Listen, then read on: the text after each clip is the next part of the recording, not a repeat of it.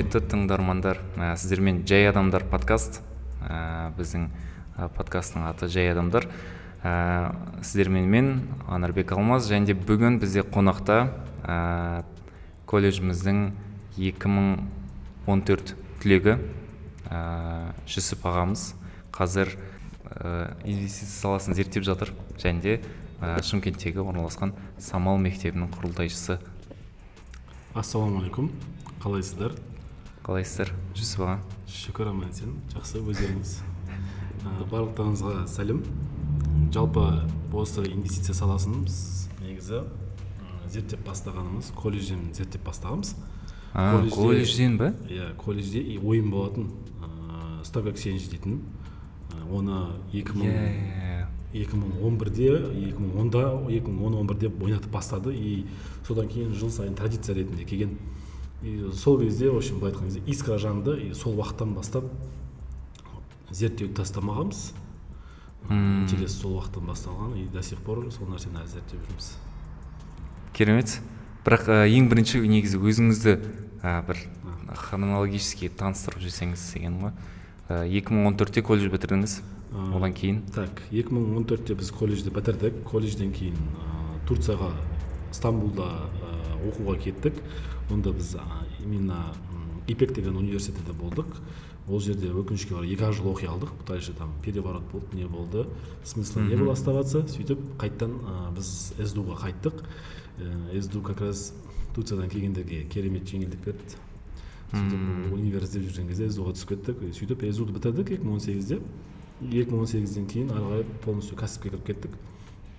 Ә, сөйтіп екі мың жиырмада осы өзімнің инвестиция саламды былай айтқан кезде профессионально бастадық деп айтуға болады. Именно уже ақша салып ақша айналдырып ә, сол уақыттан бері сонымен айналысып келе жатырмыз. В данный момент ә, үйленгенмін қызым бар құдайға шүкір алланың бергені. И қазір бізде ә, мектеп соқтық осы недавно осы жылы аштық. И осы самал мектебінде в основном основной жұмыс осы жерде осындайлар. Мм, керемет керемет. Сол ә, негізі қаржылық сауаттылық мысалы ә, қандай деңгейде деп айтайын. Мысалы сіз ә, қаржылық былай бюджет құрасыз ба? Ә, немесе шығындарды есептейсіз ба? Сол. Обязательно шығынды есептейміз. Ыыы в среднем осы соңғы ноябрь айына мен өзім есебім бойынша өзіме жеке 80 мың теңге жаратқан болдым. Там отбасыма емделумен бірге там жүз елу мыңдай кеткен. И дәл осылай әр сфера жизниді бөлек есептеймін да мысалға жұмысқа айлыққа қанша кетті өзіме конкретно там кофе ішесің достарыңмен бір жаққа барасың соның бәрін чисто жеке өзіме кеткен расход бөлек есептелінеді. Отбасыма кеткен расход бөлек есептелінеді садақаға кеткен бөлек соның бәрі ол обязательно есептелінеді ол жазылады. Егер ол жазылмайса оның соңын таба алмайсың. Иә өзімнің өмірімде соны көріп жатырмын негізі. Ә, қалай есептейсіз негізі бюджет шығындарды мысалы? В основном мен так как қазір барлығы каспи болып кеткеннен кейін мен всегда каспиде әр шығынның астында заметка қоямын. Иә там комментарий бар ғой бізде каспиде и сол жерде бүкіл комментарийда менде уже жазылып тұрады. Там өзіме болса өзіме отбасыға болса отбасы деп егер там денсаулыққа болса денсаулық деп өзі бөлініп тұрады ше. И соответственно кейін менде уже ә, жақта өзімнің есебімде нелерім бар колонналарым бар. Әрқайсысы өзінің разделына түседі да айдың соңында есептеген кезде. И примерно қай расходқа мен қанша теңге жұмсағанымды солай көре беремін спокойно ше сосын қаржылық мақсаттар қою керек деген де бар да? Мысалы ондай бар ма сізде? Иә мысалға ол қаржылай мақсат деген ә, примерно мына финансовая свобода ғой былай айтып жатқан нәрсеміз ше? Иә Ә, и ә, планирование на будущее мысалға келешекке маған қанша ақша керек болады. Ол опираясь шығады неден что ты хочешь от будущего деген нәрседен шығады да. Мысалға сен келешектен не күтіп жатрсың бала шағаңды мысалға европада оқыту ма там или MIT-да оқыту ма ол деген колоссальный ақша да оның барлығы. И соответственно осындай өзіңнің желанияларыңның списогін шығарасың. И содан кейін сен уже қаржылай сауаттылық қа- қаржылай мақсатыңды шығарасың да айқындайсың да.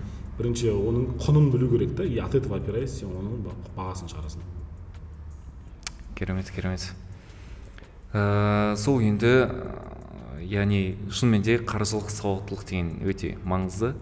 Ә, яғни біріншіден кішкене сақтау керек иә ақшаны шығындарды есептеп сақтап бюджет құрып экономдап и қалған ақшамен жұмыс істеу керек. Яғни қалған ақша бос тұрмау керек. Иә. В общем былай қарайық ыыы мысалға бір айлық расход бар да бір айлық доход бар и расход бар да. И осының ішінде бір айлық там жазбайтын адамдар ақшасының қай жаққа кетпейтінін біліп жатқан жоқ адамдар бар ғой ше олар ә, даже представлять ете алмайды да то что оның ақшасы қай жаққа айналып жатқанын ше и так как сенде көз алдыңда ол былай жазылмағаннан кейін сен ақшаң нормально жаратып жатырмын деп ойлайсың но когда оны қағазға түсіріп сен көз алдыңа шыққан кезде сен түсінесің то что ақшаның просто так кетіп бара жатқанын сол кезде түсінесің да. И сол үшін жазу бұл жерде ең маңызды фактор болып тұрады да. Өйткені сол кезде сенің миың осознавать етеді да. Е мое мен керек емес. Примерно мысалы мен өзіме жаратқан сексен мың теңгемнің мен отыз мың теңгесін экономдай алатын едім деген ощущение сол кезде келеді да миға ше. оған дейін ми оны осознавать етпейді. Мысалға кейбіреулер ә, бюджет құрып жүреді да мысалға өзіне жесткий бюджет қояды. Ал кейбір адамдар бар ол өйтіп өмір сүрмейді олар ше просто. Ол өйткені ондай әдет қалыптастырмаған кішкентай кезінен бастап ше. И ондай адамдарға ең бірінші ең оңай үйренудің жолы ақшасын қай жаққа жаратып жатқанын бірінші осознать ету керек та. И содан кейін ол уже осознать еткеннен кейін оны сол өзінікін қысқартып бастайды да. Ол уже подсознательно қысқартып бастайды потому что оған ми уже сигнал беріп бастайды да. Сен алдыңғы ай өзіңе көп жұмсадың имей в виду деп ше. Иә бұл уже подсознательно оны қысқартып бастайды. Иә қазіргі бір экономдаған отыз мың мысалы келешекте негізі өте көп ақша болады.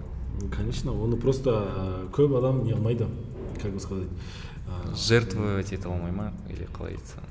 Қазіргі отыз мың теңгенің құ- құны жоқ деп ойлайды да. Былай айтқан кезде так как инвестицияны зерттемегеннен білмегеннен кейін олар оны просто жаратып жібере береді потому что оның қай жаққа білмейді біріншіден ол незнаниеден келеді да. А, ал екіншіден ол маңызды емес деп ойлайды ше потому что реально ондай нәрсе жұмыс жасамайды деп ойлайды. Өйткені ә, біздің нәрседе біздің мемлекетте ондайды еш жерден көрмеген да. Иә. и сол үшін оған былай айтқан кезде адамдар не қылмайды да. Құнды қылып көрмейді. Да а америкада ол нәрсе страшно құнды да. Адамдар ол 2003 жылы уже школьниктер сол кезде школьниктер инвестиция жасап бастайтын да.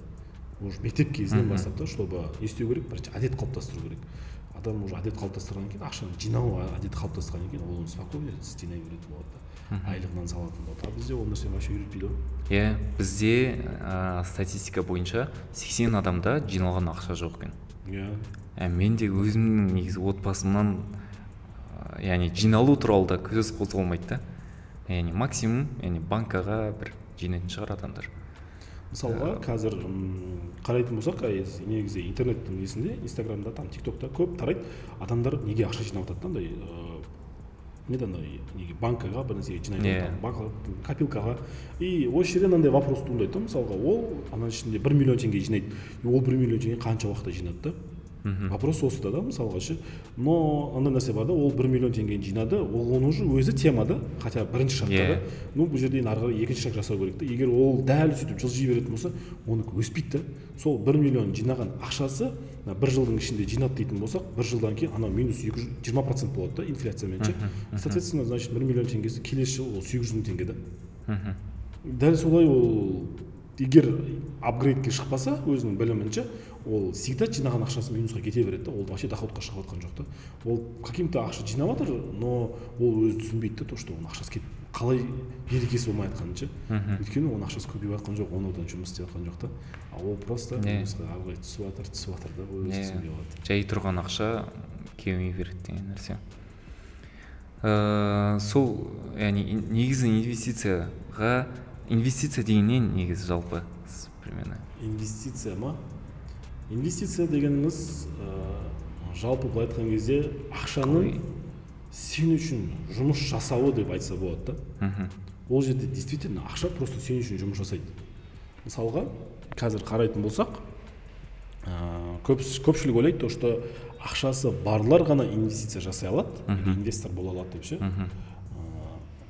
бұл нәрсе былай да инвестицияның барлығына көмегі бірдей да. Ә, мысалға біз именно ана американский ин- инвестицияны айтып жатсақ мынау акцияларға облигацияларға оның шектеуі жоқ та. Ә, бизнеске инвестиция ол басқа әңгіме да уже ше. но оны да зерттеп бастау керек потому что ертең сенде ақша пайда болған кезде ол да сенің алдыңнан келеді да. Күнің бір күнінде ол келеді да саған өйткені бәріне бірдей шанс келеді ғой и соответственно қалай болады ситуация? Мысалға мынау самый богатый человек в вавилоне деген кітап бар ғой. Иә. Оқығансыз ба? Иә осы жақында сол кітапта қалай обычный былай айтқан кезде анау не болған ғой писарь болған ғой неде иә кітаптың отчеттарын былай айтқан кезде бізде канцелярий деп айтады ғой ондайлар қазіргі заманда. Сондай канцелярийдан қалай вавилондағы ең бай адамға айналғанын түсіндіреді ғой өзінің кітабында. И ситуация в том что ол инвестиция салады инвестициядан түскен пайдасын тағы да инвестиция салады. Мхм не деп айтады кітапта ә, не убивай детей своих детей дейді да? Былай айтқан кезде ә, инвестициядан түсіп жатқан пайдаңды сен оны құртып жіберме дейді да мысалы ал оның ученигі сол жерде құртып жіберген еді да өзінше и соған ол түсінеді то что инвестиция иә. түсіп жатқан пайданы қайтадан инвестиция жасау керек екен дейді да. Былай айтқан кезде әм, соның методикасын пайдаланып ол просто жинап кейін салатын болған да. А бізде қазіргі заманда мүмкіндік бар. Уже жинап жатқан ақшамызды жұмыс жасатуға да. Мысалға компанияның акциясын аласың примерно алайық. Біздің халық банкта бір жылдың ішінде кругом бегом ол отыз процентке өскен да. И сіз ай сайын халық банктің акциясын алып отыратын болсаңыз примерно он мың теңгенің өзіне там жүз алпыс теңгеден уже алпыс штук жетпіс штук аласың да. И соответственно там бір жылдың ішінде жеті жүзден көп акция жинайсың дегендей да и там немесе одан басқа да көп компаниялар поли металл дейтін бар металлмен айналысатын қазақстанда. Ал америка нарығында вообще компания көп та. Ол жерде әшейін наздактың өзінде мынандай нью йорк стак эксченж дейтін биржа бар да. Соның өзінде әшейін тоғыз мың компания бар да. Ол әлі ана жақтан басқа тағы да қаншама компаниялар бар да. Басқа биржа көп қой өйткені. И соответственно вариант мүмкіндік өте көп. Просто оны пайдалану пайдаланбау бізде қалып тұр ғой. Иә сол негізі инвестицияның қазір екі түрі бар иә. Простой адам ә, айналыса алатын. Жаңағыдай акция сатып алу немесе бизнеске инвестиция деген. Инвестицияның ыыы мынандай бар. Біздің қазақтардың пайдаланып келе жатқан баяғыдан келе жатқан несі бар? Мхм. былай айтқан кезде ы, ол не істейді? Бірінші там біздің қазақтардың білетіндері сразу алтын алады. Депозитке салып қояды. Оны инвестиция деп ойлайды депозит қазақтар ше. Өкінішке орай инвестиция емес. Иә. потом доллар алып қояды машина алады Иә. квартира алады или там участок жер алады. Иә. Потом бізде не істейді там досының донеркасына ақша салады или там общественный косметикасына ақша салады. Осыларды инвестиция деп ойлайды. Мхм. бұлардың ешқайсысы инвестиция емес ше. Өкінішке орай ше. Там потому что қазіргі заманда квартира согласен инвестиция алтын инвестиция бірақ олар былай айтқан кезде уже устарелый инвестициялар да олардың уже ақша айналымы ақшаның қайтуы өте ұзақ уақыт алады ше. Примерно қарайтын болсақ квартира сізге бір окупаемость жылдарға кетіп қалады да ол жиырма отыз жылға кетіп қалады ипотека болса вообще кетіп қалады да ол ше. Екі есе созылады да уақыты. Ал алтындікі в среднем ол егер біз графикпен қарайтын болсақ соңғы он жылда оның бағасы қатты өзгермеген да но біздегі әшейін базардағы баға өзгеруі мүмкін. Бірақ именно недвижимость недегі нарықтағы бағасы өзгермеген да долларға келген кезде ше. Бәрібір долларға келген кезде сен ұтылып жатрсың да теңгемен ағаныңмен ше. Осындай факторлар рөл ойнайды ал инвестицияда ол былай айтқан кезде статистикамен 10 жылдық статистиканы 20 жылдық статистиканы алатын болсақ примерно доллармен 20 процент өсім бар да всегда ше. Кемі доллармен 20 процент өсім бар да теңгемен ол почти что 35 40 процент да так что по любому выгодно да. Иә андай ә, жылжымайтын мүлік әше негізі н- невыгодно екенін қайдан байқауға болады? Өткен мысалы өткен жылдары бір дмитрий гордон деген ана украинский бар еді ғой бір политик. Миллионер. ә, миллионер. И ол айтады да менде жиырма квартирам бар дейді киевта яғни өкінішке орай қазір киевта жағдай ә, жағдай мүшкіл. Яғни ол жақта квартира алмаса ма яғни сол жақтан байқауға болады. Қазір мүлік именно қиын алу. Ну мысалға осы нәрсені көп мысалға келтірдім менде ше бұл нәрсені инвестицияның тілінде қалай айтады? Не держите все яйца в одной корзине дейді да? Мхм. предположим то что егер бір тостақанды алып келіп барасың ішінде отыз қырық жұмыртқа бар да и сен келіп барып құлатып алсаң ана тостақаны ішінен примерно тоқсан процент жарылады да ананың ше сау қалмайды да. Мхм. шанс бар ма мысалға қырық жұмыртқаның бесеуі жарылып отыз бесі сау қалу? Шанс өте аз да и осы нәрсе осыны дәлелдейді да. Мысалға дмитрий гордон сол кезде айтқан еді да мен квартирадан басқа ештеңеге сенбеймін деп ше. Ол Иә. қателік та мысалға ше. Потому что сен бүкіл неңді былай айтқан кезде байлығыңды или там дүниеңді бір направлениеге қою ол қателік та.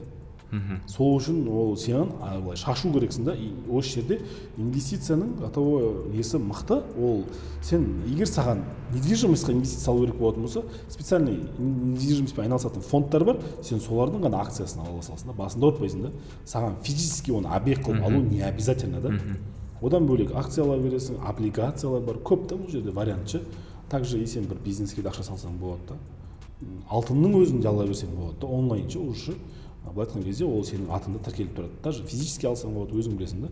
Ол мүмкіндіктер до того көп та просто оны былай айтқан кезде диверсифик диверсифицировать ету керек та бізге ше. Иә. Сонда біздің былай айтқан кезде байлығымыз или дәулетіміз ә, защищенный болады. Ә, негізі сол акция деген просто бір компанияның бір бөлігі ғой иә? Иә. ал облигация деген не айырмашылығы бар екен? Мысалы акция ол ә, бір компанияның кіші бір бөлігі дейді да мысалға компанияның жүз проценті бар. И жүз процентінің бір жиырма процентін алады да олар шашып жібереді миллиондарға ше. Сөйтіп бүкіл біздің алып таласып жатқанымыз сол жиырма процентіне таласып жатырық та енді облигация дегеніміз ол былай айтқан кезде біз банктен барып кредит аламыз ғой. Иә. Иә кредит қарыз аламыз ғой.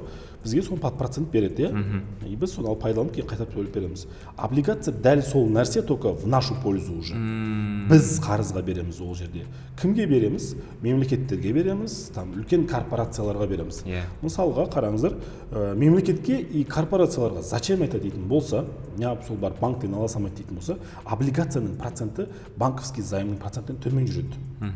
Мысалға бір корпорация барып там үлкен компания банктен займға алатын болса ол ә, облигациядағыдай займға ала алмайды да процент. Өйткені банк оған жиырма там жиырма бес процентпен береді. Ал облигацияда ол где то бір он жеті алуы мүмкін он беспен алуы мүмкін да процентпен ше.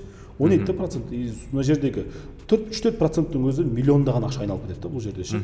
И мемлекетке не үшін выгодно дейтін болсаңыздар мемлекет осылай қайтадан экономиканы тірілтеді да. Ол қайта қайта ақша печатать ете беретін болса мемлекет инфляция өсе береді и мемлекет оның алдын ала алмай қалады сол үшін мемлекет облигацияны пайдаланады қайтадан өзі ақша сатып алады да халықтан под процент. Кейін өзі қайтадан оны береді да оған ше. И соответственно сөйтіп ол ақша қайтадан печатать етпейді. Өйткені бізде ақша печатать ету ол алтындағы резервке байланысты ғой. Сен алтындағы резервіңнен көп печатать ететін болсаң сенде инфляция кете береді. Ертең орнын жаба алмай қаласың дейді да. И соответственно сол үшін ақша көп печатать етуге болмайды да негізі. Ол біздің экономиканың крахына алып келеді негізі.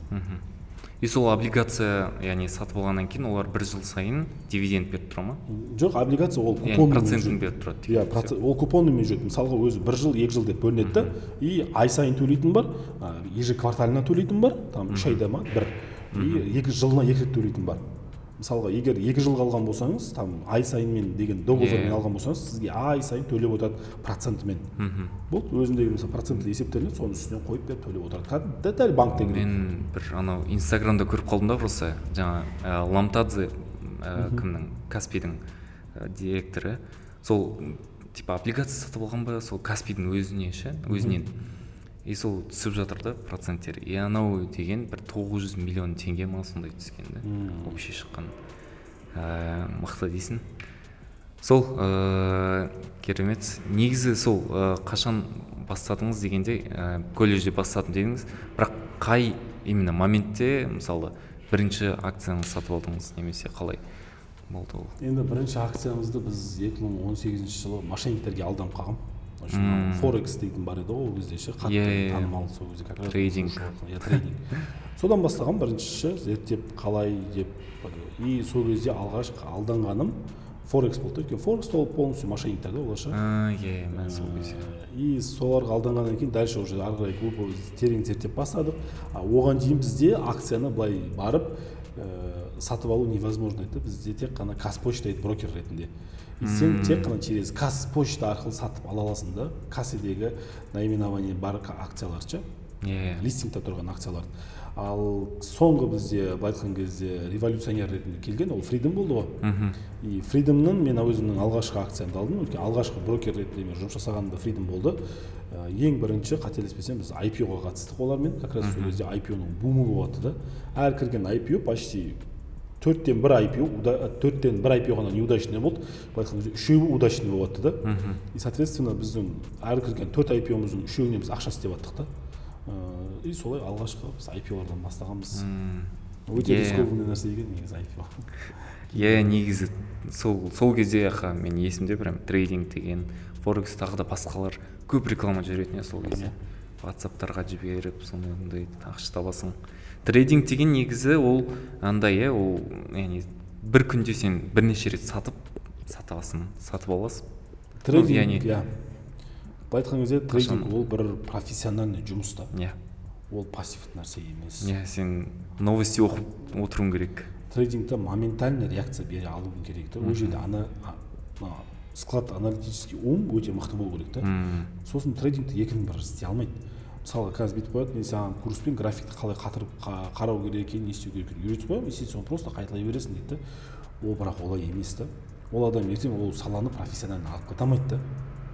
Ол потому что оған аналитический склад ума керек бәрібір ше. И сол кезде егер ода мысалы сондай қабілеттер болатын болса ол мықты трейдер болатын болса ол реально жақсы ақша таба алады я с этим не спорю. Но ол жерде мысалы қарапайым халыққа ол тура келмейді да. Өйткені қарапайым халыққа тура келетін болса американдықтардың барлығы миллионер болатын еді. Но к сожалению олай емес та ол ол сол жақта туылған нәрсе да сол жақта басталған нәрсе да и оларда ол нәрсе уже тексерістен өтті. Қаншама адам удачный болды неудачный ол бәрін уже статистикасын шығарып қойған да оны қайтадан велик создавать етудің қажеті жоқ та просто біз айтқан кезде қазір қаржылай сауатсыз адамдарға сол курс сатып жатыр да и все да. Сен осының арқасында ақша істейсің деп ше. Өкінішке орай мысалы жүз трейдердің ары кетсе максимум бесеуі профессионалды былай алып кететін шығар мамандық ретінде удачный болатын шығар тоқсан бесі ол нәрсені алып кете алмайды. Өйткені ол былай айтқан кезде бір жұмыс ол сала ше ол пассивно былай қосымша алып жүретін нәрсе емес. Болды болды. Ә, енді мынандай сұрақ. Ә, сіз мысалы қазір яғни жиырма мың ой жиырма мың сізде қазір мысалы 200 мың теңге айлығыңыз бар делік. Сіз енді инвестиция әлі жасап көрмедіңіз. Қалай бастар едіңіз сіз? Қалай бастар едім ба? Ну примерно айтайық. Екі жүз мың теңге айлықпен далеко не разгоняешься конечно. И бұл жерде бірінші ә, қанша? Примерно екі жүз мың теңгеге өмір сүріп жатқан адам жүз тоқсан мың теңгеде өмір сүреді ше? Мхм. Ол былай айтқан кезде қазір факт қой. Иә. А, и соответственно он мың теңге артылады. И он мың теңгеге егер мен вообще прям білімім жоқ болатын болса ә, хотя бы алтын алу- алудан бастайтын едім ше. Мхм периодически ше. Но ә, енді уже ары қарай бәрібір зерттеніп бастап мен егер мүмкіндігім болатын болса а, инвестиция акция жайлы хабарым болатын болса мен бір компанияға фокус қоятын едім ше. Мхм мысалға реально өсетін сенімді мен мысалға оны көруге болады да ондай тенденцияларын ше кезде, поведенияларын ше. Иә и сондай компанияға ғана фокус қоятын едім ше. бір ғана компанияға фокус қоятын едім болды ше мысалы ше. Қазір жалпы осы инвестиция саласында консультация беретіндер көп та. Не обязательно сразу барып курс сатып алуға ше. Консультациямен алып примерно ориентировочно там болашаққа там қалай компания таңдау керек деген нәрсе. Не обязательно даже консультация алып. Просто ютубқа жазсаң бітті да ютубта да жетеді ол нәрсе ше. Иә чат gpt-ге де. Иә чат gtp ютубқа жазсаң олар саған жауабын береді. Как выбрать компанию на будущее с ориентиром 10 5 лет деп жазсаң ол уже саған бәрін шығарып береді да ютуб та шығарып береді анау да шығарып береді. И сол жерде отыр бір жиырма видео көр күнделікті жиырма минут уақытыңды сол нәрсеге арна и сөйтіп өзіңе багаж бірінші білім жинап ал. Кішігірім болсын. И сол он мың теңгенің егер менде кредиттер болса бірінші мен соны жабамын егер олар жоқ болатын болса мен сразу бүкіл бір компанияны фокус қоямын да. Сөйтіп жинаймын. Примерно мен өйстіп бір жыл жасайтын болсам бір жылдың ішінде ана халық банк примерге алсақ қайтадан жеті жүзден көп акция аласың да оның ше бір жылдың ішінде ше. И жеті жүзден көп акция алғаннан кейін ол ертең по любому үш төрт жылдан кейін оның акциясы қайтадан бір үш жүз төрт жүзге барады ше. Сатып жібересің. Былай айтқан кезде жүз жиырма мың теңгең бес жүз мың алты жүз мыңға дейін айналады да просто так ше. Сен притом еще бір ақ жыл жинадың бұны ше. Ал екінші жыл үшінші жыл төртінші жыл қосатын болсаң ол басқа история болады ше. Мен бір жылдың ғана результатын айтып жатырмын ше. Примерно сондай болады. Бірінші бірақ білім ол по любому ше. Мхм. И сондай. Бірақ ә, минималды енді минималды деген нәрсе жоқ. Иә. яғни бір акция болса да яғни екі жүз теңгең болса да ә, бастай бер деген нәрсе ғой. И плюс үздіксіз жасау керек. Яғни сен ай сайын бір сатып алып отыру керексің деген нәрсе бар иә? мысалға қазір ютубпен бағана чат gtp айтып отырмық қой. Сол жерде бүкіл көп білім бар да. И соответственно соларды пайдаланып хотя бы первоначальный білімді алып алу керек та. Там қалай брокерский счет ашу керек не істеу керек и ақшаны қай жаққа салу керек деген нәрселерді ше. И соларды біліп алғаннан кейін сол бағанағы ай сайын салатын ақшасын өзіміздің местный сенімді дейтін компаниялар сала берсе жететін еді да оған ше. Ол бірінші не қандай нелерден арылады? Бірінші инвестиция деген не нәрсе не екенін вообще кішкене болсын түсініп бастайды. Потом нарықтың қалай жұмыс жасайтынын ол көзі ашылады. То что бұлай реально нәрсе мошенник емес бұлай істеуге болады ақша жинауға болады екен деп ше. И дальше уже өзі келесі істеп ол уже білімін апгрейд қылатын еді да там уже курс алады не қылады и сол кезде осылай бұл былай айтқан кезде уже жай қаржылай сауаттылықтың несіне тепкішектеріне көтеріліп жатады да. Иә. Сразу бола салмайды ол потому что ше кітап кітапты мектепке барған кезде сразу мәтіндеп оқып кете алмайсың ғой. Бірінші біз әріп үйренеміз ғой. Иә. бұл жерде де дәл солай қарау керек та бұл мәселеге де ше. И андай оңай емес та бұл ше андай бүйтіп алып шақыртып бір щелчокпен істеп кете салатын нәрсе емес та бұның да өзінің былай айтқан кезде шагтары бар солардан өту керек та и плюс ұзақ яғни бұл ұзақ жылдық стратегия. Иә бұл ұзақ жылды стратегия потому что бұл өзі изначально осы айлықта өмір сүре, сүріп жүрген адамдарға арналған стратегия да. Иә керемет. Ә, сол енді қалай қазір мысалы инвестиция жасаймыз дегенге келсек яғни қандай мысалы платформа ма? платформалар бар? В данный момент мен өзім мысалға ұсынатыным ең мықты екі платформа бізде. Платформалар көп негізі. Оның ішінен ыыы фридом тұр. Өйткені фридомда мүмкіндік көп. Ол уже кішкене опытныйларға арналады да фридом ше мм. Уже мысалға опыты бар адамдарға арналады фридом потом интерактив брокерс бұл американдық компания. Біз қазақстанға доступ берді осы жылы. Әлемдік деңгейдегі компания да. Интерактив брокерс дейтін. Бұл екеуі опыты барларға арналады. Там новичоктарға вообще кірудің қажеті жоқ мияшка дейді ояқтан ше олардың ше одан кейін средний уровень ол жусан бірақ жусанда комиссия өте көп одан кейін халық банк халық банк өте медленный бұл салада но оның комиссиясы өте арзан да хотя бы содан бастау керек та халық банк примерно саған ощущение береді да былай айтқан кезде дәмін татасың да сол жерден ше содан бастау керек хотя бы новичоктарға халық банк одан кейін жусан өте комиссиясы жоғары дальше аналар иә анау ә, фридом туралы мысалы ә, өткенде бір подкасттан тоже тыңдадым. Фридом келіп айтып жатыр да адамдарға өте жаңағындай инвестиция саласын прям асырып жүр дейді да адамдарға. Өте көп ә, көзін ашты деп жатыр да. Иә. Иә. Фридом келіп. И тема дейсің? Яғни сол фридом көзін ашты или просто күтіп жүрген адамдарға мүмкіндік берді? Иә мүмкін. Ол, мысалға ә, былай айтайық. Там көп адамдар ізденіп жүрді да бірақ мүмкіндікті қай жақтан аларын білмей жүрді. Да и мүмкіндікті көрген адамдар сразу жұлып кіріп кетті да сондай нәрсе болды да бұл жерде ше фридом сол айтқан кезде возможность алып келді да бұл жерде ше сол кезде реально оны ізденіп жүрген адамдар жұлып алды да ол нәрсені ше. Сондай нәрсе болды да бұл жерде көзін ашты емес ол потому что фридом көзін ашып келе жатыр біраз адамдарға көмектесіп келе жатыр оған келісемін. Но фридом бұл жерде көбінесе менің ойымша возможность пен мүмкіндік берді да. И дальше уже әркім өзі зерттеп бастады да. Өйткені олар не қылмайды сабақ береді онлайн типа. Но ол не жоқ та мысалға ше. Көзін ашуға қатты келмейді да. Фридом больше потому что одан пайда алып жатыр ол ше поэтому ол мүмкіндік берді да. Ол возможность көріп қалды ол соны істеді да. Тема тема. Ә, табыс деген бір приложение бар. Иә сол туралы ойыңыз. Ол ә, иә ол ненің осы қазақстанның мемлекеттік несі иә бір бағдарламасы. Сол туралы ойыңыз қандай? Табыс ап приложениесі бізде жалпы білсеңіздер министерство финансовтың ішіндегі кіретін не бар? Кассе дейтін біздің өзіміздің национальный биржамыз бар. Кассе. И соның дочерний фирмасы бар.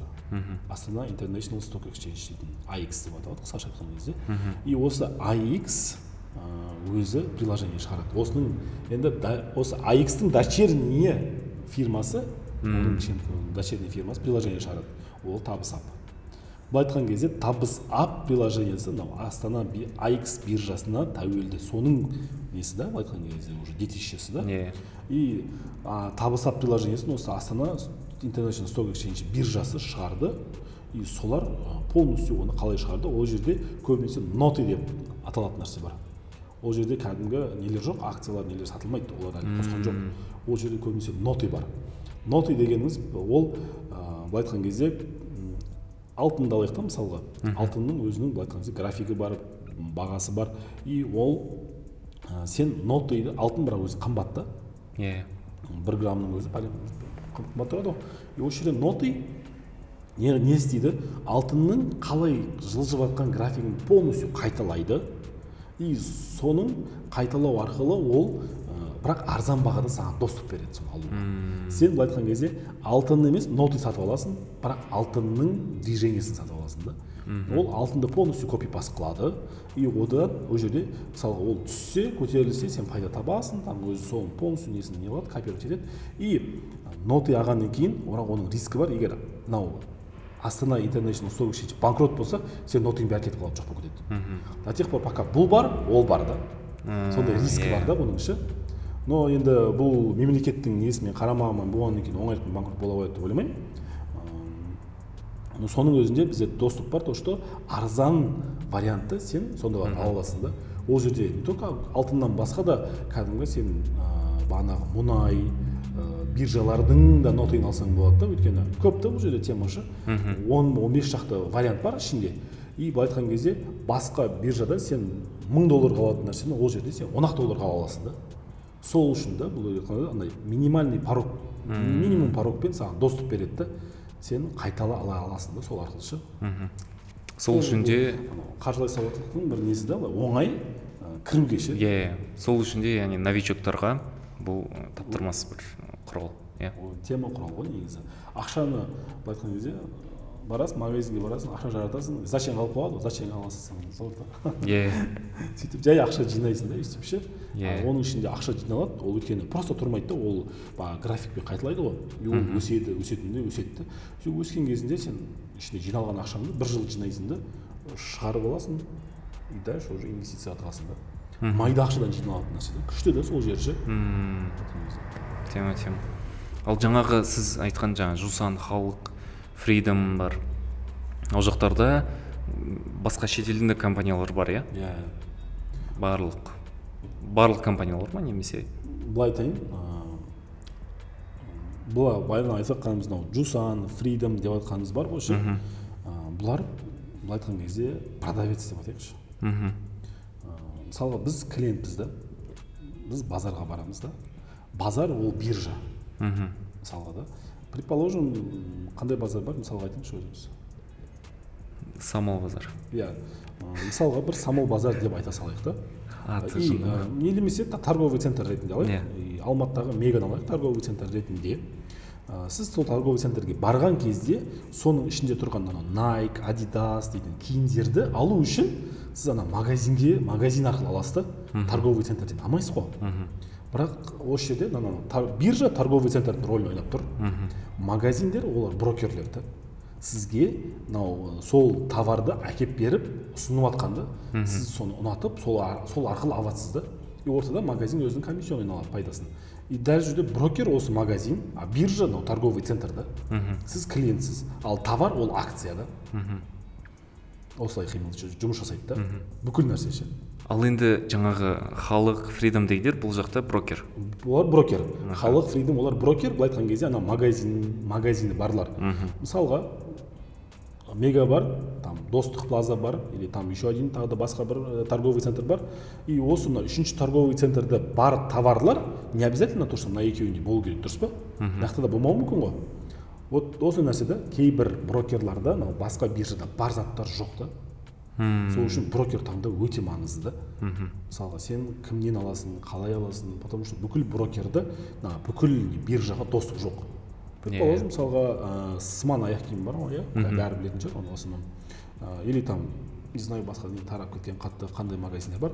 И осы мысалы үш торговый центрде сатылатын бір магазин бар да. Сен қай торговый центрге барсаң сен өзіңе керекті нәрсені ала аласың да үшеуінің любойынан но мысалға сман мына біреуінде ғана сатылады мегада сатылады мына екеуінде жоқ деп айтайық та. И сен сол кезде соған барған кезде сен дос басқа бір үшінші торговый центрге барып қалсаң сен таппайсың да өзіңе керек товарды. Иә. Осы нәрсені білдіреді да осы жерде ше. Брокер саған доступ ашып береді бүкіл биржаларға.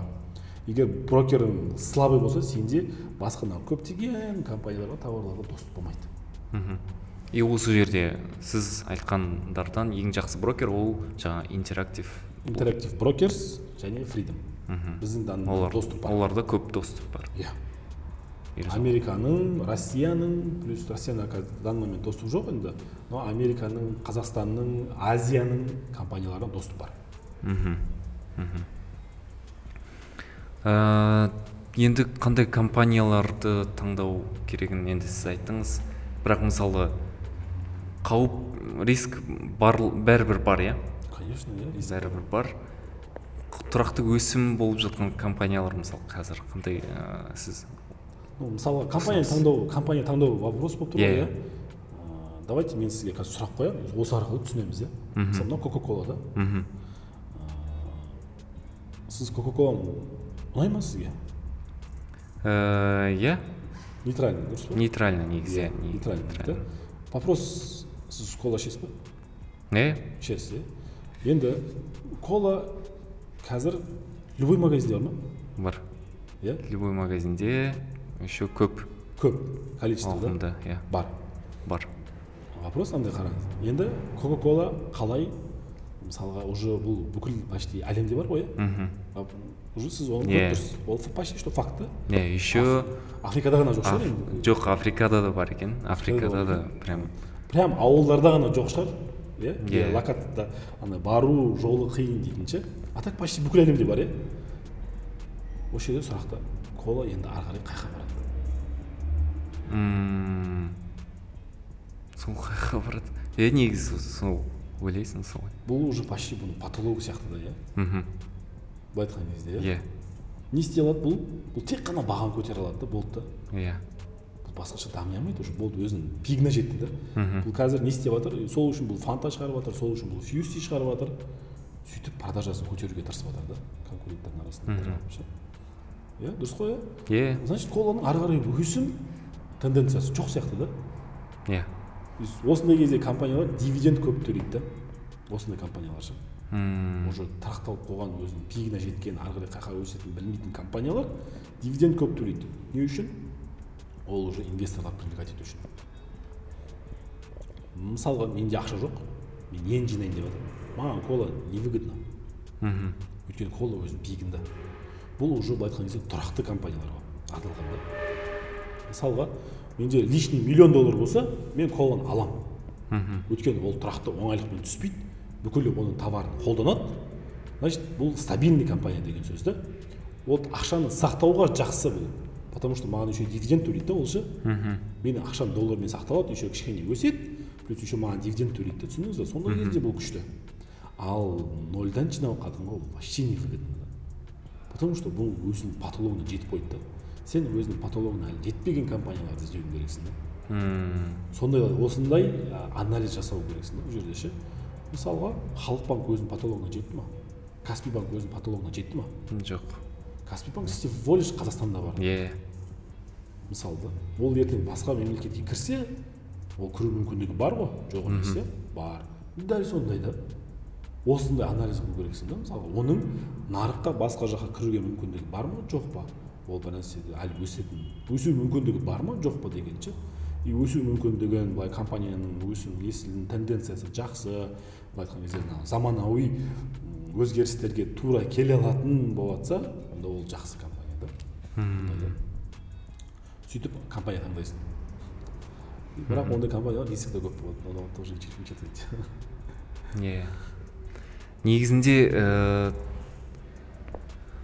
сіз анау ә, финансовый калькулятор бар ғой иә иә сонымен де бір ә, не қылып көрсек ойнап көрсек қалай қарайсыз не көрген не, не көреміз сіздің болашағыңызды есептеп көреміз Қа- яғни адам примерно он мың теңге салса немесе бір елу мың теңге салса жүз мың теңге салып тұрса айына қанша ол пайда табады? Давайте көрейік қазір. Ә, стартовый капитал бар ма? Жоқ па бізде? Ноль ғой иә стартовый капитал ноль. Ноль. Қанша теңге салады айына? Айына он мың теңге дейік. Қаншаға срокқа есептейміз? Давайте он бес жылға есептеп қояйық бірінші. он бес жылға ма? Или он жылға есептейміз он жыл. Он жыл көреміз бірінші негізі бұны қалай есептейді білесіз ба? Аха. Бұны мынаны есептейді? Сіздің қазір жасыңыз қаншада? Жиырма төртте. Жиырма төртте. Сізге қырық жасқа шейін қанша уақыт бар? Он алты. Он алты жыл бар значит он алты жылға есептеу керек та. Бұны өзінің адам в среднем қырық жасына есептейді да. Өйткені қырық жаста бастайды бүкіл нәрсе ше. Ну бастайды дегенде былай ғой. Адам уже қырық жасына қырық жасқа дейін финансово свободный болуға тырысады да. Мхм сол үшін жұмыс істеп жатыр барлығы мысалы ше. Пенсияны есептеудің қажеті жоқ. Примерно хотя бы қырық қырық бес сол жасқа дейін есептеу керек та на данный момент айтады. он алты жыл. он алты жыл. Содан есептейік. қырық жасқа дейін. Аха. Кеттік. қырық жасқа дейін.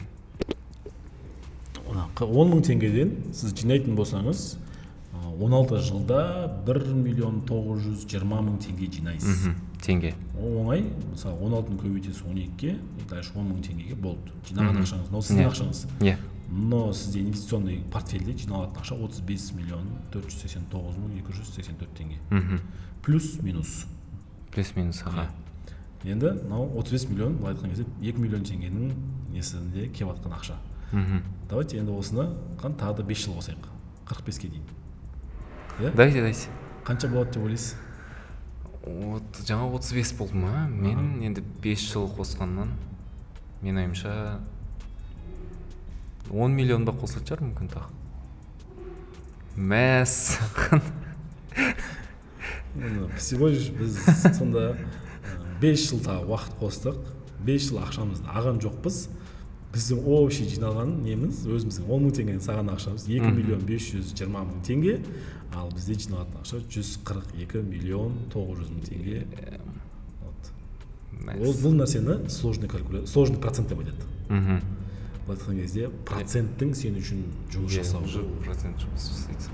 Осы нәрсе сложный процент та яғни қазір мен ай сайын он мың теңге салып тұрсам қырық бес жылға дейін 45 менде- жасыңызда, 45 45 иә қырық бес жасыма дейін қырық бес жасымда менде жүз қырық екі миллион теңге болады ма? Иә всего лишь пассивно. И то сіздің общий салған ақшаңыз екі миллион бес жүз жиырма екі мың теңге да? Мхм мхм бұл содан сондай исходтың өзінде да мысалы ше? Инвестицияның кереметі осыда да мхм. Мүмкіндік барлығында бар просто кім пайдаланады дегенде ғой анау. Құранның аятында бар ғой білім иелеріне дегендей ше иә. Мүмкіндік бар. Так что мүмкіндік барлығына бірдей бар да просто біз пайдаланбаймыз сабыр жетпейді. Мына адамдар байымайды деп айтады ғой. Бірінші тәуекел етпейтіндер екінші ыыы, былай айтқан кезде не қылмайтындар сабырсыздар да. Мхм и соответственно бұл жерде мысалы тәуекел ол риск та сен он мың теңгеңді салып жатрсың сен бірақ ол инвестиция ол риск та оны бәрі біледі да и сен рисковать етпемейтін болсаң онда уже осы жерден саған крест қойып тұр да алла тағала ше айтып тұр да уже ше а, плюс еще не сабырсыздар дейді да күтпейтін болсаң дейді да инвестицияда осы екі паттерн бар да мысалы сен бірінші тәуекел ету керексің риск бар екінші сен күту керексің да саған не обязательно бизнесмен болу миллионер болу үшін ол оңай жолдар да бар бұны уже американец миллиардерлер дәлелдеп жатыр да миллионерлер просто обычный там слесарь но пенсиясында миллион доллар счетында тұрады да и ол әлем аралап жүр да қалай да в общем ше осылай да мысалы ше легко и просто да Ә, қазір сол америкада негізі қазір көп, көп адамда осындай бар иә уже портфельдер. Америкада мысалға примерно 300 миллион халық бар дейтін болсақ соның елу процентінде портфель кемі бар это значит жүз елу миллионда уже портфель гарантированный портфель бар одан басқа мысалға уже басқа 40 проценті ма ориентировочно там 30 проценті ма недвижимость жақсы көреді. Олар көбінесе тоже и қалғаны уже недвижимостьқа кіргендер да. Но инвестиционный портфель былай айтқан кезде почти тоқсан сексен процент населениеде бар. Ғой бірақ ә, яғни былай ақша бәріне жете ма? деп ойлап қаласың да мына жақта.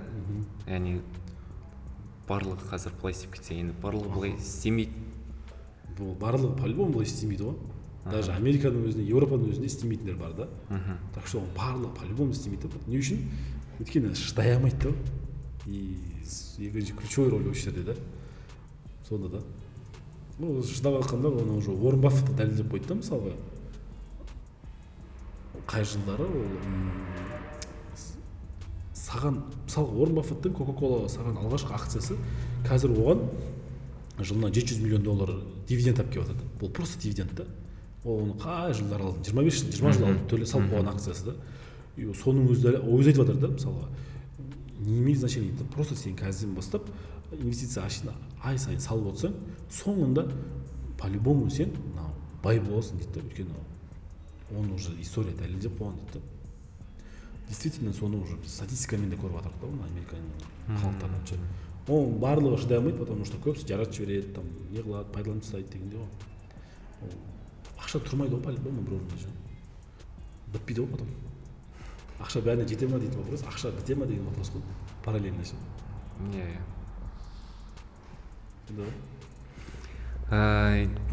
сіздің өзіңіздің жеке қазір курсыңызды яғни өзіңіз жеке брендіңізді ә, қалыптастырып жатсыз иә Мгм, жүргізіп жатсыз жеке наставничествоңыз бар Иә. иә.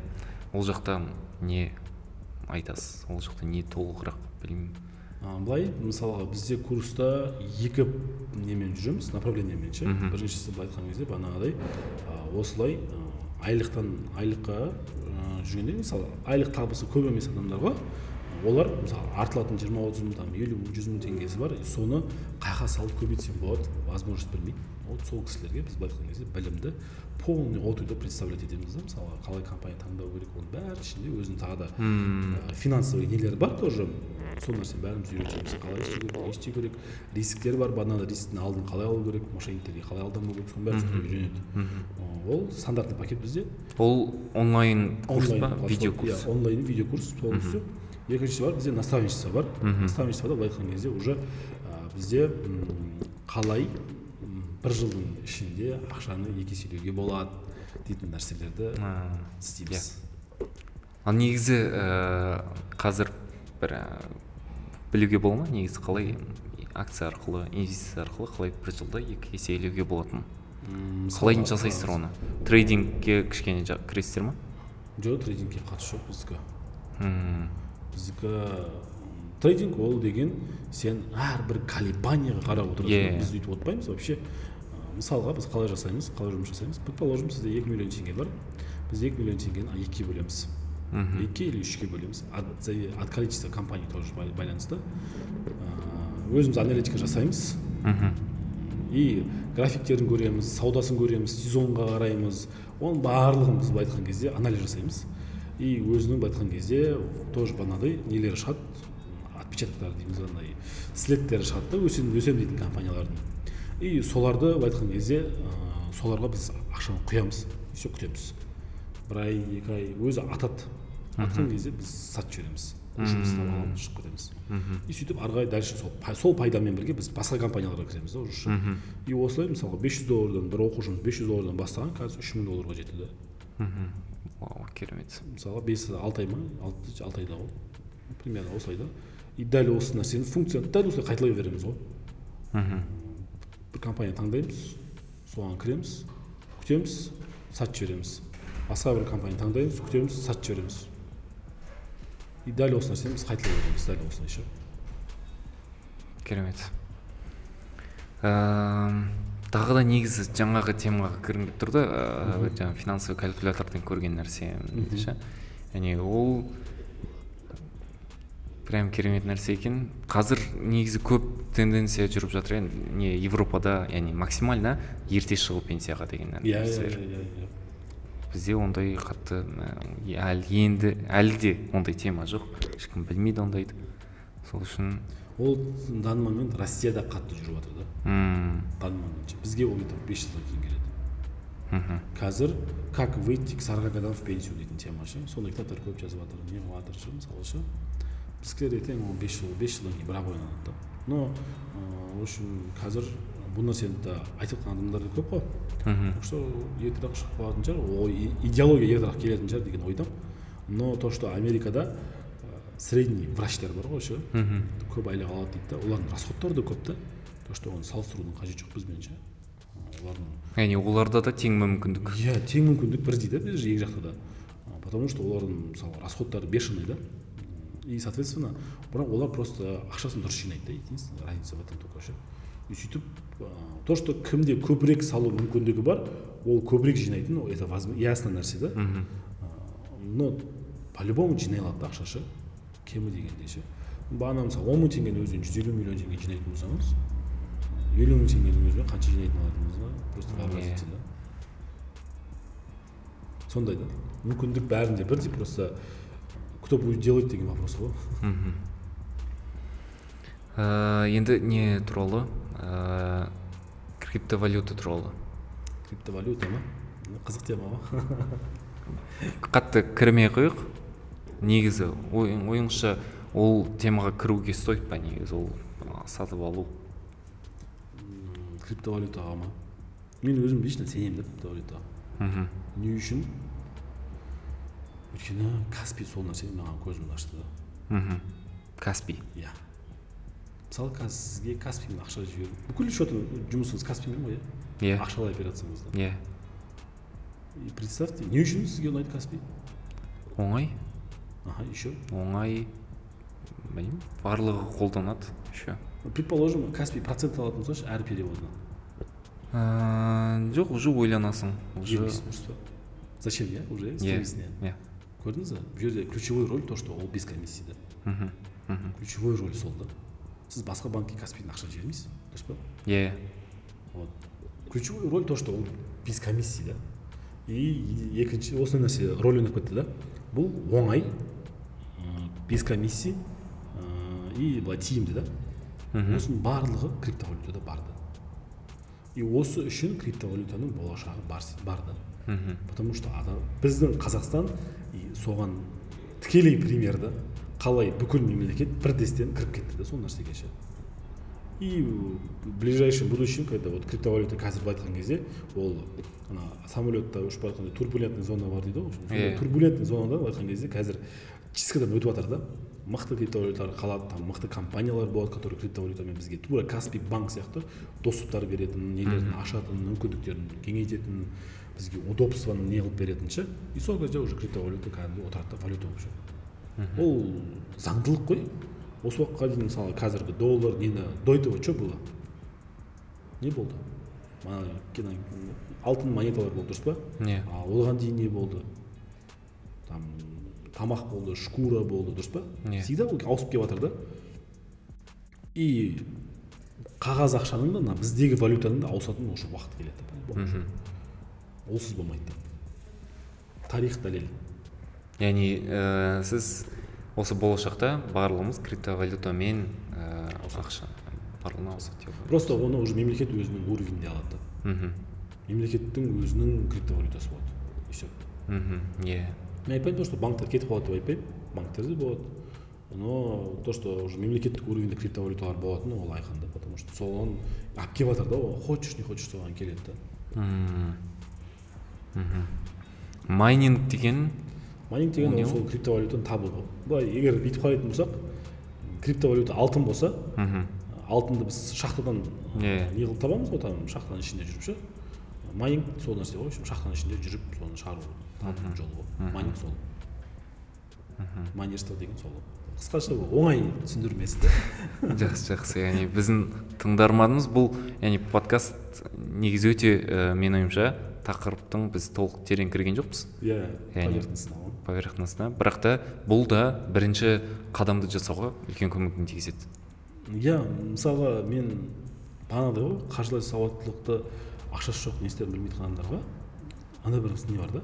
Криптовалютаның ішінде бесплатный ақша тарататын жерлер өте көп та мм. Ютубтан соларды көру керек те кіріп сол жерден бесплатно ақша алуға тырысу керек та и мысалға қазір мысалы ананы істе үйт бүйт задачалар береді да и соларды істеген үшін саған там онлайн долларлар береді да и соны қайтадан сен реальный долларға айналдырып ала аласың да. Осындай нәрселер бар.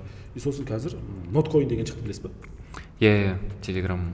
Вот ертең мен точно айта алмаймын гарантия деп айтпаймын. Но возможно то что бір, бір, бір жылдан кейін ба біраз уақыттан кейін ол сол ноткоин валюта болып кетуі мүмкін.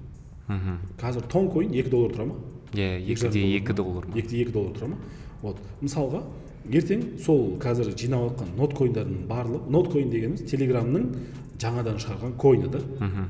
Енді оны қатты реклама жасап жатыр да қазір ше. Ертең бұл да бір қазір ол тегін болып жатыр да адамдарға жинауға ше? Иә И ертең бұл ақша айналып кетуі де мүмкін да. Білмейсің да біреуі бір долларға айналып кетсе ол сұмдық ақша болады да. Иә иә павел дуровтың өзінің каналында да жазды ғой. Яғни қазір ешкім білмейді қанша тұратынын бірақ біз ә, бір күні жариялаймыз деді қанша тұратынын. смотрите енді осыған сенбейтін адамдар бар да. Ол қойшы фуфло ғой деп айтады ше. Яғни көп адамдар айтады ше. Мынау биткоинді сөйтіп бастады ғой. Мхм.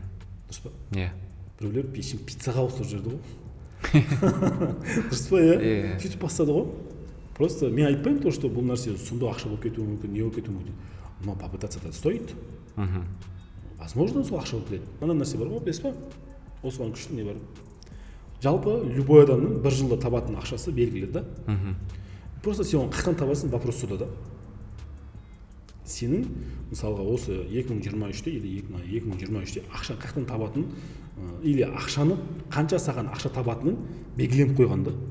Әркімнің өзінің нәпсі напақасы дей ма былай. Иә. жазылып қойған да ол ше.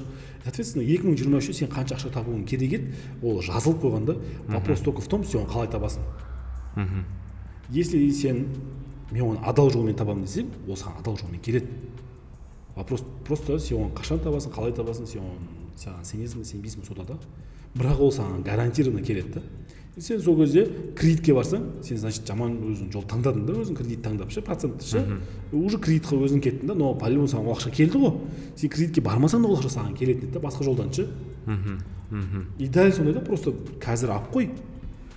В будущем ол ақша айналып кетсе значит саған бұйырған нәрсе болатын еді да. Сондай да просто білмейсің да. Попытай удачу да тегін келіп тұрған нәрсе иә керемет. Ә, енді осы инвестицияға сай байланысты бір кітаптар мысалы курстар немесе яғни подкасттар яғни нақты иә нақты көмектесетінін айтсаңыз. Нақты көмектесетін пайдалы болатын ба? Былай айтайық бірінші инвестициядан бұрын мышлениемен жұмыс жасаған дұрыс и поэтому ең бірінші совет беретін кітабым ол саид давлат мұратовтың кітабы мхм оңай водасы аз Мгм. реальный кітап ол подсознание бедного и подсознание богатого сол бірінші кітап екінші кітап я и деньги ол там ақшаны қалай не қылу керек осы екі кітабы жақсы. одан кейін богатый человек в вавилоне. Былай айтқан кезде основа да бұлар осы үш кітап ше иә өте көмектесетін бұл үш кітап ше бұларды оқымай бастауға ну просто оқысаң сенде действительно трансформация болады мхм бұл осы үшеуі потом ютубтағы каналдар өте көп мысалы осының ішінен финансовая независимость дейтін канал бар мхм телеграмда ше и анау орыс өзі 2008-ден бері айналысып келе жатады Мм. осы темамен и уже алпыс миллион рубль ма жинап тастаған да біздің теңгемен ол где то почти долларовый миллионер ғой. Ыыы, и осылай да жинауға болады да. Сосын менің өзімнің ұстазым бар. Ол долларовый миллионер. Кумар деген кісі. Осы қазақстандық жоқ ол тоже россия. Ол да онты көрсеңіздер болады. Ютубта тоже каналы бар. Ютубта көп мысалы мықты дейтіндер каналы бар да. Так что кумар деген ол кісі өзінің курсы да бар барлығы бар. Үйретеді не қылады по-моему орысша единственная өзім сол кісіден оқығанмын. Ол кісі уже тоже долларовый миллионер кстати. Осы екі мың жиырма үште долларовый миллионер болды. Осы инвестицияның арқасында. Кафесі бар. Кафесінен тапқан пайдасын бәрін инвестиция салып отырады долларовый миллионер болды да. Вот пожалуйста доллар болу оңай да мысалы жолы ше там. Ол енді ол да кәсіпкер болғаннан кейін возможность көбірек болды то что это не отменяет факт того что ол доллар миллионер болды ол кафенің арқасында болған жоқ ол инвестицияның арқасында болды да. Иә ұйықтап жатқан кезінде ақша ол үшін жұмыс жасады. Да былай айтқан кезде егер біз ұйықтап жатқан кезде ақша табудың жолын таппасақ біз всегда ақша үшін жұмыс істеп өтеміз мхм түсіндіре алдым ба? Мхм осындай да. Осы главный нәрсе ғой негізі. И енді мына жақта сол блиц бар ә, келесі біздің ә, айдарымыз блиц сұрақтар. Яғни біз ә, сұрақ қоямыз сізге. Тез тез ойланбай жауап беру керек. Ә, біріншіден кофе немесе шай? Кофе. Ә, кітап немесе кино? Кітап. Ә, қағаз кітап немесе электронды кітап? Қағаз. Ә, сіз савасыз ба немесе жавороноксыз ба? Қалай? Сава немесе жаворонок анау. Ерте тұрғанды жақсы көресіз ба немесе түнмен жұмыс істегенді жақсы көресіз ба? Менде негізі ерте тұрғанды жақсы көремін бірақ түнімен жүремін. Иә ондайлар көп сияқты. Ііі сосын сіз екеуін мына екеуін де жақсы көреді екенсіз бірақ біреуін таңдайыңыз. Давайте былай Аниме. В общем, с- ә, таң момент саба болып жүрмін но тырысып жүрмін ерте ұйықтап ерте тұруға. Осы нәрсе қазір мына азамат аға бізде күшті агитация қылып жатыр Иә. осы нәрсені. И мен осы нәрсені әдетіме қалыптастыруға тырысып жатырмын қатты. Мхм. Өмірімде осы позицияда жүрмін қазір. Ііі, аниме немесе дорама? Аниме. Командалық жұмыс немесе жеке жұмыс? Командалық. Ііі, үй сатып алу немесе үй жалға алу? Үй жалға алу мхм. Ііі, акция немесе жылжымайтын мүлік? Акция. Ііі, илон маск немесе уоррен баффет? Уоррен баффет. Каспи туралы ойыңыз. Каспий? Иә каспи туралы. Каспи каспий каспий. Каспий күшті деп ойлаймын өзім лично потому что ә, әлі өсіп келе жатқан нәрсе да әлде негізі көп жерге жете алады иә? Каспий әлі подросток деп ойлаймын данный и ол әлі өсетін былай айтқан кезде шыңдары өте биік деп ойлаймын да. Мхм. Сегодня уже на уровне казахстана ол уже 18 миллиона халықпен неткен жетістіктерге жетті да. Ә, и данный момент ол басқа басқа өзіне кіре алатын нарықтарға кірсе жер даяр деп ойлаймын сол үшін каспий мхм. келешегі мощный деп ойлаймын. Ә, негізі сол біздің ә, бітті. Ә, сұрақтардың барлығы ә, жүсіп аға сізге рахмет үлкен. Ә, мен үшін өте негізі тоже бір трансформацияның бір ә, бір үлесін қостыңыз. Тран- трансформацияға менің трансформацияма. Ә, рахмет сізге. Тыңдармандар ә, біз ә, астына қалдырып кетеміз. Жүсіп ағаның инстаграмын сол жаққа сұрақтар бойынша жазса бола ма? Конечно сұрақтар жазса ә, сұрақтар бойынша жазыңыздар. Ә, онымен қоса курсын алыңыздар и наставничествосын алсаңыздар болады. Ә, сіздің негізден келетіндерге отыз процент скидка берсем болады. Е мен мынаны мықтылап ә, реклама жасаймын ғой иә. Айтамын бұйырса. Ә, тағы да рахмет. И соңғы сұрақ. Иә. Не үшін бай болу керек деп ойлайсыз? Не үшін бай болу керек? Мықты мұсылман болу үшін деп ойлаймын. Мхм. потому что сол нәрсе қазір бізге керек мхм. ә, болды онда жақсы. Барлықтарыңызға рахмет. Сау болыңыздар. Сау болыңыздар.